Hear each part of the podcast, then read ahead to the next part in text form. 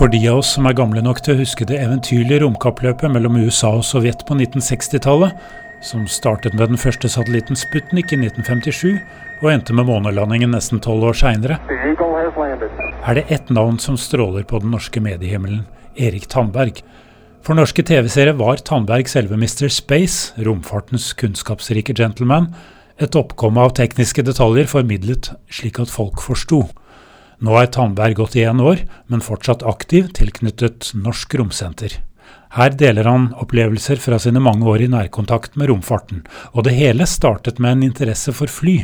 Jeg husker det var under krigen. Jeg begynte å bli interessert i, i modellfly og, og, sånne ting. Bygget av Balsa-fly? Balsa-fly. Med byggesett og tegninger ja, stikkmotor eh, senere. Jeg hadde jo flykjenningsbøker, da. Så jeg, jeg kunne jo utseendet av det, men jeg, jeg, klarte faktisk å identifisere eh, de fleste flyene etter, etter, lyden. Så du var litt en sånn som de kaller planespotter i dag? Ja, jeg var vel det. Selv om ikke det uttrykket eksisterte den gang. Men, men eh, jeg tok jo bilder av fly.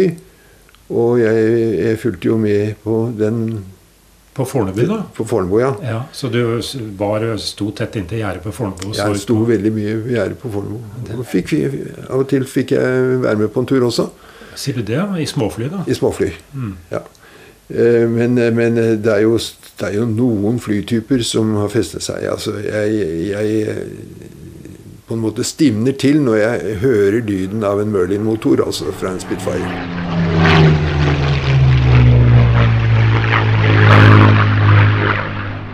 Hva er det med fly som eh, fascinerer deg? Er det den der følelsen av å stige til værs? Er, er, den romantisk, eller er det teknisk? Eller? Ja, Nei, den er, den er, ikke så mye romantisk som teknisk.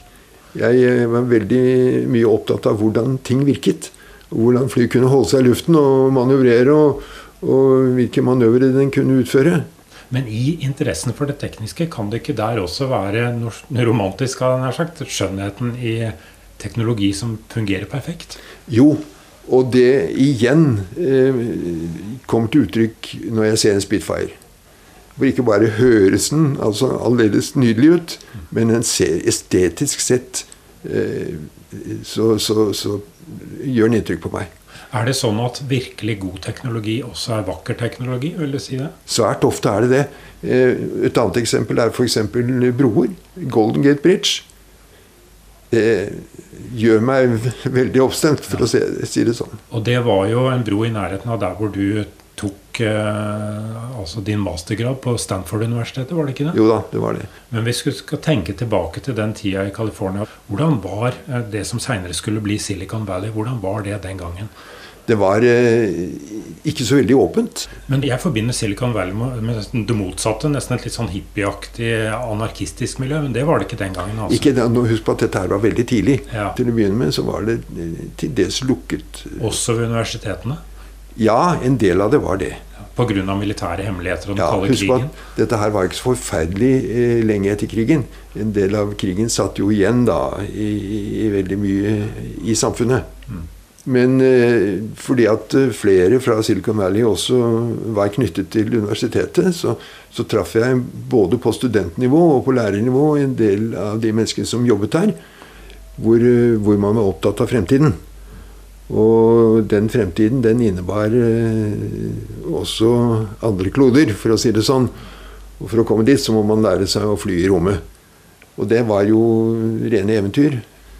Men, eh, men, eh, det er klart at i dette miljøet så var det Luftforsvaret skulle ha meg til etter, eh, etter jeg hadde tatt eksamen som maskiningeniør. skulle de ha meg til å studere metallurgi. Hvorfor akkurat metallurgi?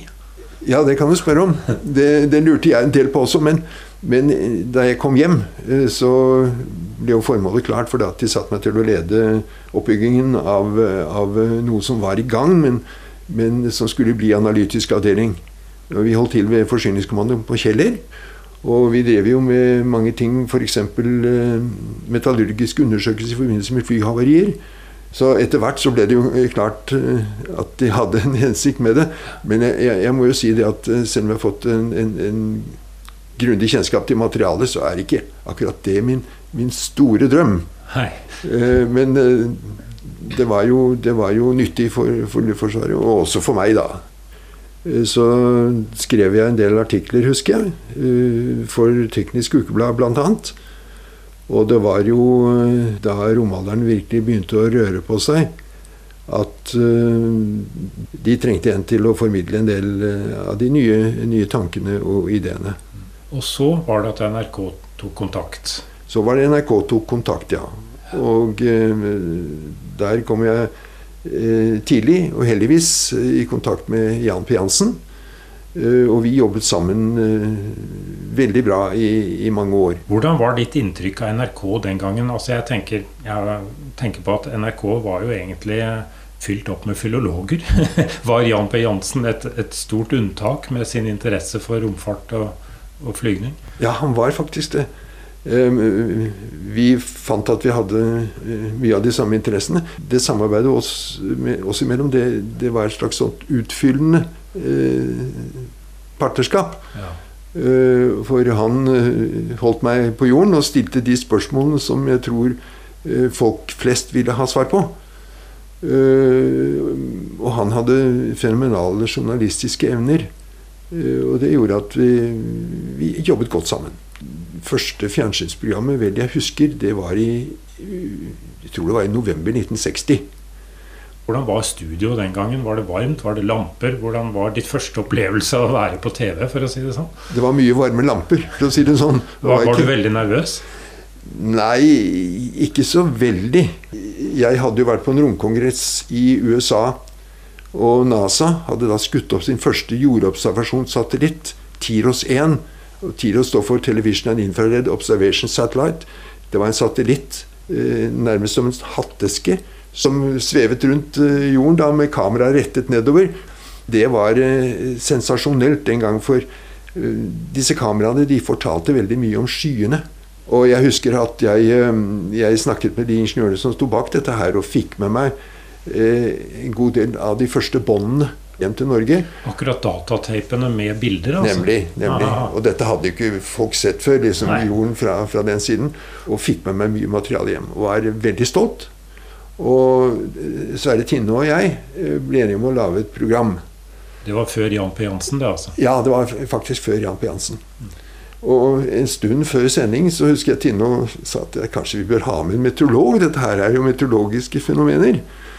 Og ja da, det var jeg jo enig i. Og programmet begynte, og jeg var entusiastisk og viste frem disse tingene. Og jeg glemmer jo aldri henne mot slutten av programmet, da eh, Sverre Tinno eh, vendte seg mot meteorologen. Det var en statsmeteorolog, eh, jeg skal ikke nevne navn, og spurte hva, hvilken betydning vil dette her få for fremtidens meteorologi. Ingen verdens ting, svarte han. og det, det var jo omtrent som å rive bunnen ut av hele programmet.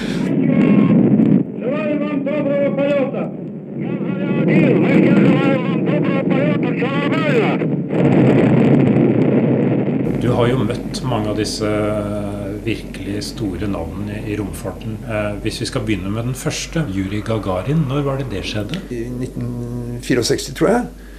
Eh, da holdt han et foredrag på Blindern. Men jeg var i en lunsj med ham. Så du fikk en litt sånn uformell prat med ham? Jeg fikk en litt uformell prat med ham. Men jeg må jo fortelle det at NRK hadde bedt meg å intervjue ham. Mm.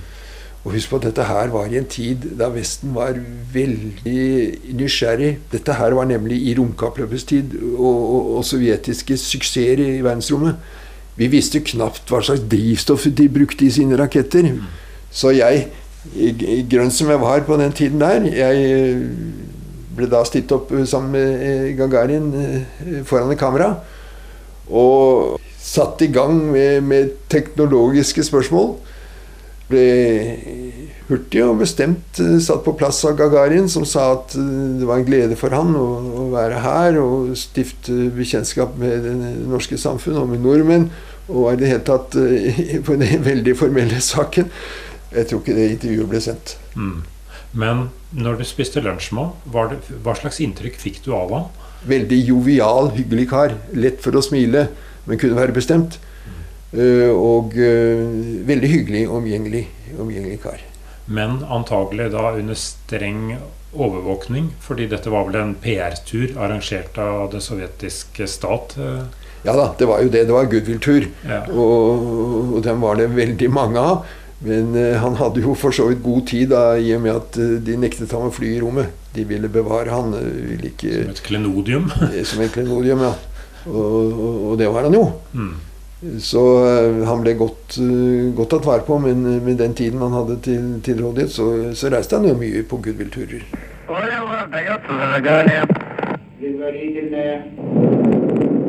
Gagarins første kretsløp rundt jorda i 1961 satte om mulig en enda større støkk i amerikanerne enn Sputnik. Nå startet romkappløpet mot månen for alvor.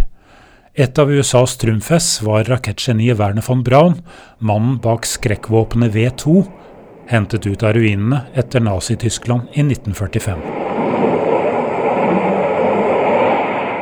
Det var i 64-65. Ble invitert til, eh, til Marshall Space Flight Center og eh, fikk hilse på ham der. Hvordan virket han? Han er jo av adelig slekt, har jeg skjønt. Var, han, var noe adelig å- over ham? Nei, det er mulig han var av, avpolert, holdt jeg på å si, av det amerikanske Ja. samfunnet i, i, i så måte. Ja. Eh, Men han gjorde inntrykk på meg som en særdeles dyktig, og velorganisert og hyggelig eh, person. Med helt spesielle egenskaper. Med teknisk innsikt, evnen til å organisere og evnen til å begeistre. Eh, Og samlet eh, på ett brent, så er dette et- et funn. Og det visste amerikanerne eh, veldig godt. Eh, Jovial. Eh, og jeg husker at jeg traff ham senere ved parallering, bl.a. sammen med Jan P. Jansen og, fjernsynet. Vi var ganske mange på sånne turer den gang, fordi at det var både lyd og lys og, og holdt jeg på å si andre, andre Skript og litt ja, hvert, kanskje? ja, ja. Så vi var en fem-seks stykker. Og da vi kom til hans kontor, så tok det bare et kort sekund før han sa skulle det ikke være en til. Og da måtte vi fortelle at eh, en av gruppen måtte være igjen på uh, motellet pga. et lite uhell. Og det ble han veldig bekymret for. Og han eh, sørget for å sende altså senterets lege til motellet for å se til at vedkommende hadde det bra. Og var forberedt på å ta ham, eh, hvis det var nødvendig, til sykehuset på romsenteret. For han er jo blitt beskyldt for å ha drevet Altså, det var jo slaveleire med grusomme forhold som bygde disse V2-rakettene, og han skal ha visst om dette her. Ja. Men den siden av ham fikk ikke du noe inntrykk av i det hele tatt? Nei, ikke da. Nei. Men eh, noen hevder at eh, han var troende nazist. Andre hevder at han pga. interessen for faget og de mulighetene han så For han tenkte jo både romstasjoner og satellitter og, og sånne ting. Hva tror du? Tror du han var eh, en gl- oppglødd nazist, eller var han nazist av nødvendighet for å få drevet forskningen sin? Jeg tror faktisk mer på det siste. At han brant så for disse ideene og dette her med å, å komme ut i rommet, at eh, han var villig til å ofre eh, prinsipper eh, på det alteret.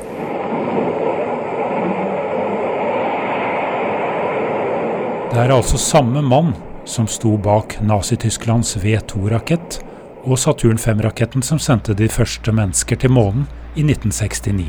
Manual attitude control is good. Roger, copy. Mer enn en halv milliard mennesker fulgte direktesendingen fra månen. Også i Norge vil mange fortsatt kunne svare på spørsmålet Hvor var du da Neil Armstrong satte sin fot på månens overflate?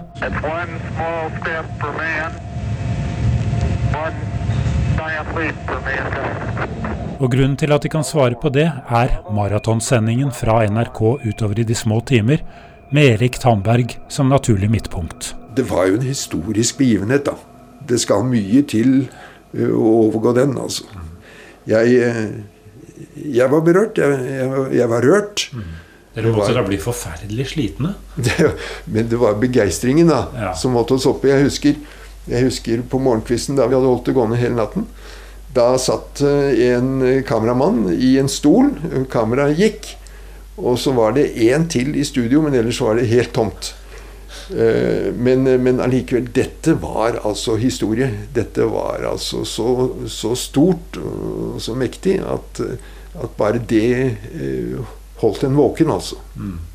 Så Nei. det ble vel en sånn litt sånn en helt spesiell stemning etter hvert av at dere nesten glemte det formelle. Og dere innførte jo du-stilen, skjønte jeg, på denne sendingen her. Ja, vi gjorde det. Altså, Jan P. og jeg vi hadde jo et uh, veldig godt forhold, og, og, og, vi kjente hverandre. Vi hadde det veldig avslappet. og uh, vi klarte å få skapt denne atmosfæren også med andre folk i studio.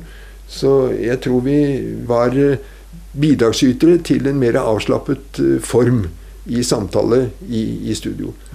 Den aftenen var det jo flere paneler. da, og jeg husker jo noen eh, sa da ganske åpenlyst eh, at dette her var bortkastede penger. Dette her var eh, sløseri. Og det viste seg igjen, eh, så vidt jeg husker, at hvor, hvor, hvor, på galt spor vi egentlig var kommet. altså. Ja. Kan du skjønne det ut fra forutsetningen den gangen? Var Nei. det et skudd i blinde? Nei. Nei. Jeg, jeg skjønte det ikke. Uh, og hvis man skulle ha den innstillingen, så tror jeg ikke vi ville ha kommet uh, veldig langt. 30 feet down, two and a half. Picking up some dust. 30 feet, two and a half down. Straight shadow. Four forward. Four forward, drift into the right a little. Seinere skulle Erik Tandberg få møte de første mennesker på månen. Astronautene fra Apollo 11-ferden til Stillhetens hav. Jeg kom jo ganske godt inn på Neil Armstrong. Ja, Det er vel litt sjelden, for han var en mediesky person? Ja, men uh, når man får han på tomannshånd, og han liksom føler seg til rette, så begynner du å snakke med ham, og da, da var han en, en veldig klok mann. Han var kanskje en mann som ikke likte så mye å snakke om personlige ting, men han likte, som deg, å snakke om teknologien og Ja. ja. ja. Han var prøveflyver eh, nummer én. Viste at han var koldblodig nok til å takle de fleste kritiske situasjoner. For å trene f.eks. i landing på månen, som var utsatt for ja, Det var et eh, nesten-havari der? Ja da. Han uh, skjøt seg ut i siste øyeblikk. Mm. En sånn der månelandertrener-greie? Ja da. Jetdrevet uh, samling av, av, av, metall som, som, skulle, ja, som skulle brukes til å, å, å, simulere den gravitasjonen man har på månen av underlanding. Eh, han hadde jo med seg bl.a. Buzz Aldrin, eh, som var et eh, helt annen type personlighet. Han var utadvendt eh, og, og, mer synlig i terrenget. Mm. Eh, var mer synlig i terrenget. Du vet at det var ikke det helt store vennskapet mellom de to. Mm.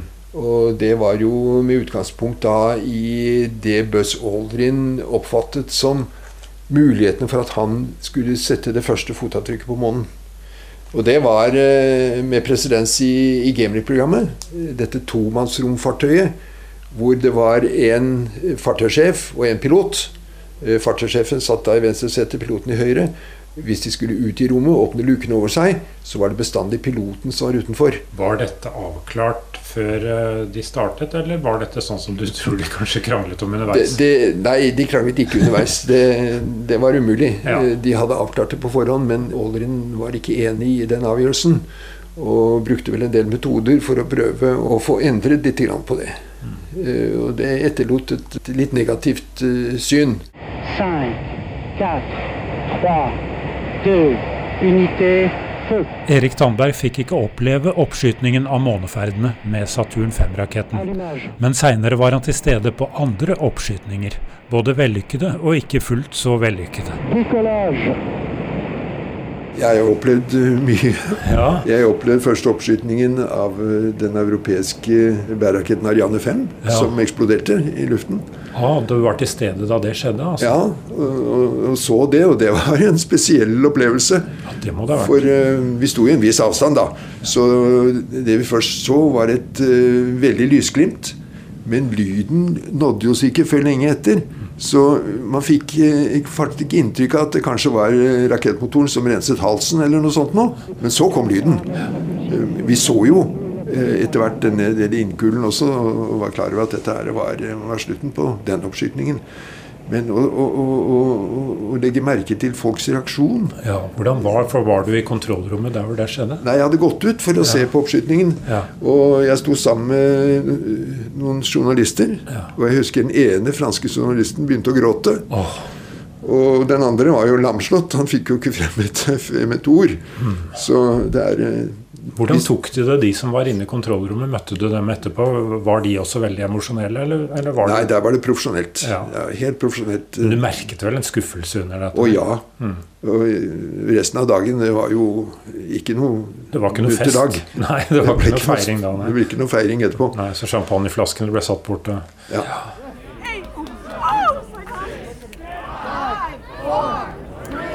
two, one.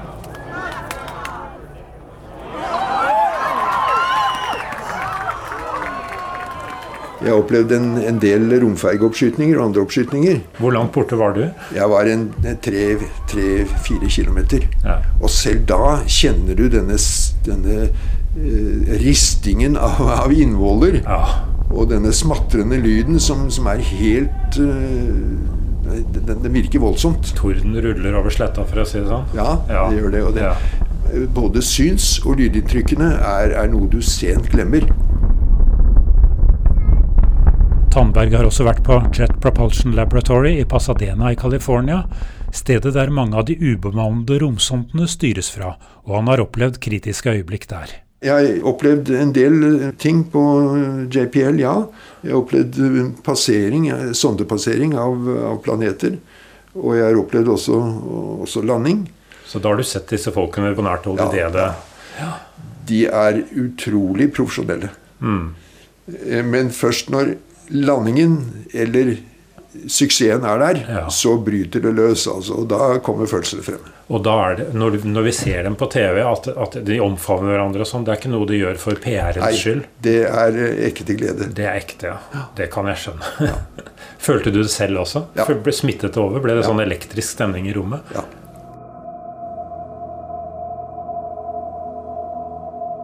Hvis vi mennesker kan oppleve den elektriske stemningen av verdensrommet uten å forlate jorda selv, hvorfor skal vi da reise ut i rommet?